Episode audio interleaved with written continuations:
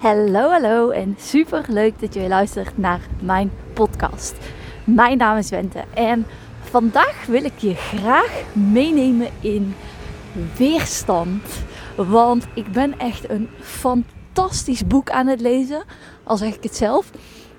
Ik ben er helemaal terug in het lezen en I love it. Want echt, het is toch de meest betaalbare manier van kennis die gewoon voor het oprapen ligt. Gisteren hoorde ik Jim Rohn zeggen van...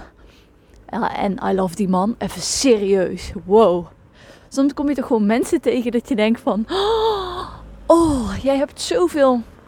Je hebt zoveel kennis in je. Jij begeeft zoveel waarde. En het is gewoon gratis. Het is letterlijk te vinden op internet door filmpjes. Het is uh, te beluisteren, maar ook ja, gewoon fantastisch. Iemand die niet uh, nooit wil stoppen met leren, die geniet van zulke dingen. En weet je, hij zegt ook van, oh gelukkig heb ik vroeg het belang en besef zeg maar van lezen geleerd. Hij zegt en weet je, er zijn gewoon boeken waarin staat welke fouten mensen hebben gemaakt, waarin staat hoe het kan dat sommige mensen miljonair zijn en anderen niet die boeken bestaan gewoon. Die zijn gewoon voor iedereen, nou niet voor iedereen, maar die zijn voor heel veel mensen toegankelijk. En het is aan jou wat jij ermee doet en of jij die keuze maakt om er daadwerkelijk iets mee te doen. En ik denk, ja, soms hebben we allemaal even die simpele reminders nodig. Maar echt, it's up to you. What you decide. En dan kom je weer bij dat van gisteren. Weet je, ben jij iemand die zegt, oh ik zou moeten? Of ben jij iemand die op een gegeven moment zegt, en nou is het goed genoeg geweest en nou maak ik een keuze? You decide, it's up to you. And when a should changes in a I decide, that's a powerful move. Yeah. nee, die kwam even in me op, maar het is wel zo. Maar terugkerend, ik ben dus een fantastisch boek aan het lezen wat gaat over weerstand. En het enige dat tussen jou en je grootste dromen in staat, ben jezelf, zijn overtuigingen en is jouw weerstand. En het boek heet The Creative War of Art, als ik het goed zeg, van Steven Pressfield. Of in ieder geval zoiets. um, en hij is een schrijver en hij schrijft heel erg over van uiteindelijk is het niet iemand die een boek heeft geschreven die een schrijver is. Het is iemand die. Nee, hij zegt het verschil tussen een wannabe schrijver en een echte schrijver is. Een wannabe schrijver vindt de tijd niet om te schrijven of schrijft af en toe. En een schrijver gaat daadwerkelijk zitten. En zo beschrijft hij ook van elke dag ga ik zitten en ga ik weer schrijven. En ik ben niet bezig met hoeveel bladzijden ik die dag heb gedaan. En ik ben niet bezig altijd of het het verhaal is.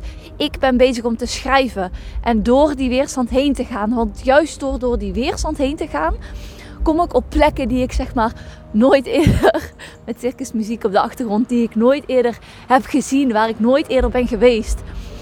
En uh, ja, ik weet zeker, ik ga nog heel veel meer uit dat boek halen. Maar ik dacht, ja, weet je, dit is de podcast waar ik het vandaag verder over wil hebben. En wat heel interessant was, vond ik zelf, is.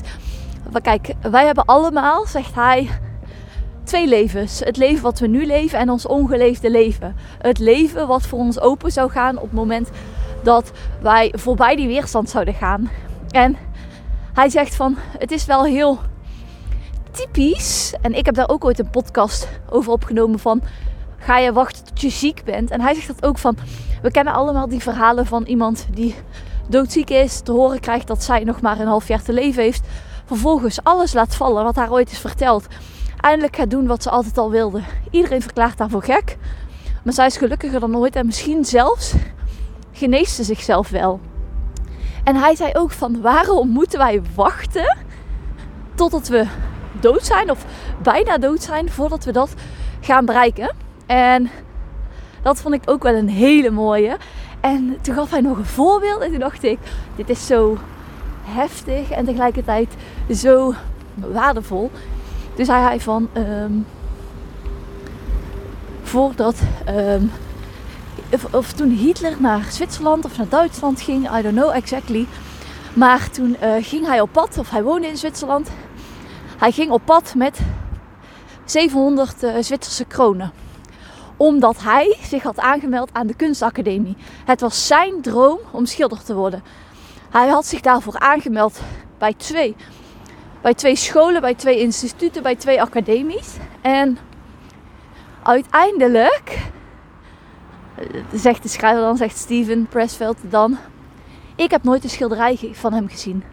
En jij waarschijnlijk ook niet. En dat betekent dat ook hij de strijd is verloren tussen hem en zijn weerstand. Dat het voor hem uiteindelijk makkelijker was om oorlog te voeren, om een oorlog te starten, dan om tijd te gaan pakken om voor een schildersdoek te gaan zitten. En ik dacht, holy fuck. Holy, holy, holy fuck. Het was voor hem makkelijker om een oorlog te starten dan tijd te pakken om achter zijn doek te gaan zitten. En ik, ik dacht, als dat geen wake-up call is, even serieus, wat is het dan nog wel? Ik vond dat voor mij in ieder geval zo'n heftig dat ik dacht, ja, wat maakt nou dat je weer tot morgen gaat wachten om een stap te gaan zetten, weer een andere dag gaat, ja, vooruit weer iets in de toekomst gaat leggen om daadwerkelijk iets te gaan veranderen. En ik vond dat echt zo'n goede inspirator om te gaan achter je dromen. En mijn dromen hebben ondertussen te maken met deze podcast groot maken, mijn stem laten horen, spreken voor een groep en het schrijven van een boek. Oh my god!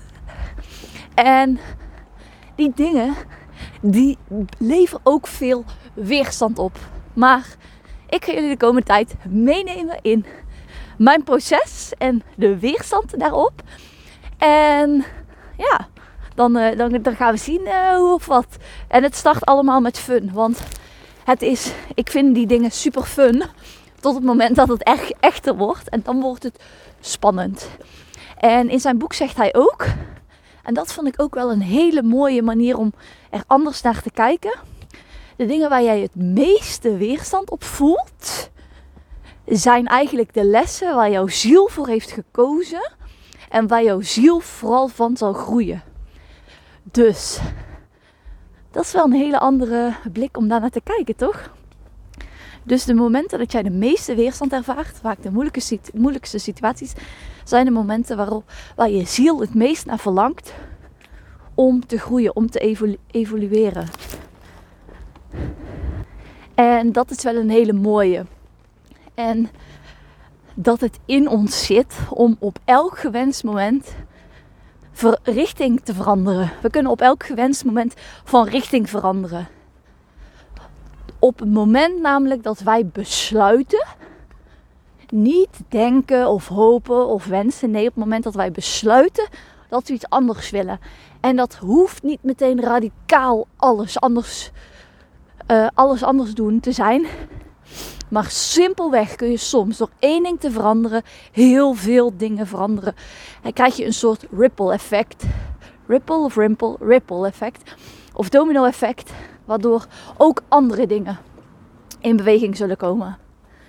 En een van die dingen is werken aan jezelf. Op het moment dat jij ervoor gaat kiezen om te werken aan jezelf, of dat nu is door boeken te lezen, door te journalen, door te mediteren, door te gaan wandelen, door supplementen te gaan slikken, door therapie te gaan volgen, door simpelweg gewoon tijd voor jezelf te maken, gaat je leven er anders uitzien. Dat is echt één ding wat effect heeft op alles in je leven. Want I said it before and I will say it again. Jij bent hier alleen gekomen en je zult ook alleen gaan. Besef dat. Dus boven alles ben jij de belangrijkste persoon in je leven. En als dit nu niet het geval is, dan is het tijd om daar iets aan te gaan doen. En tenslotte rest me dan maar één ding. We staan allemaal ergens over vijf jaar. Wil jij staan op dat, wat, dat leven wat jij ontworpen hebt, wat jij gecreëerd hebt, wat jij bedacht hebt en wat nu de realiteit is geworden? Of wil je achter de feiten aanlopen? En is het het gevolg van alles wat jij niet wilde in de afgelopen vijf jaar? En dat is waar jouw keuze van afhangt. What do you decide? Wat beslis jij? Welk leven ga jij kiezen? Voor welk leven ga jij? Win jij of win je, wint de weerstand? Is het voor jou ook makkelijker om oorlog te voeren dan daadwerkelijk te gaan voor die droom van jou? Of ga je nou eens daadwerkelijk echt voor jou en voor jouw droom? En dat is wederom deze confronterende talk waar ik hem voor vandaag mee ga afsluiten. Ik hoop echt dat je me hebt kunnen horen. En als je me hebt kunnen horen, ben je fucking goed bezig. Dan ben ik super trots op je. Ik ga nu ervoor kiezen om lekker goed voor mezelf te gaan zorgen. En dat betekent dat ik lekker na lang gewandeld te hebben weer naar het warme binnen ga. En ik hoop dat jij er morgen weer bent. Tot de volgende keer. Doei!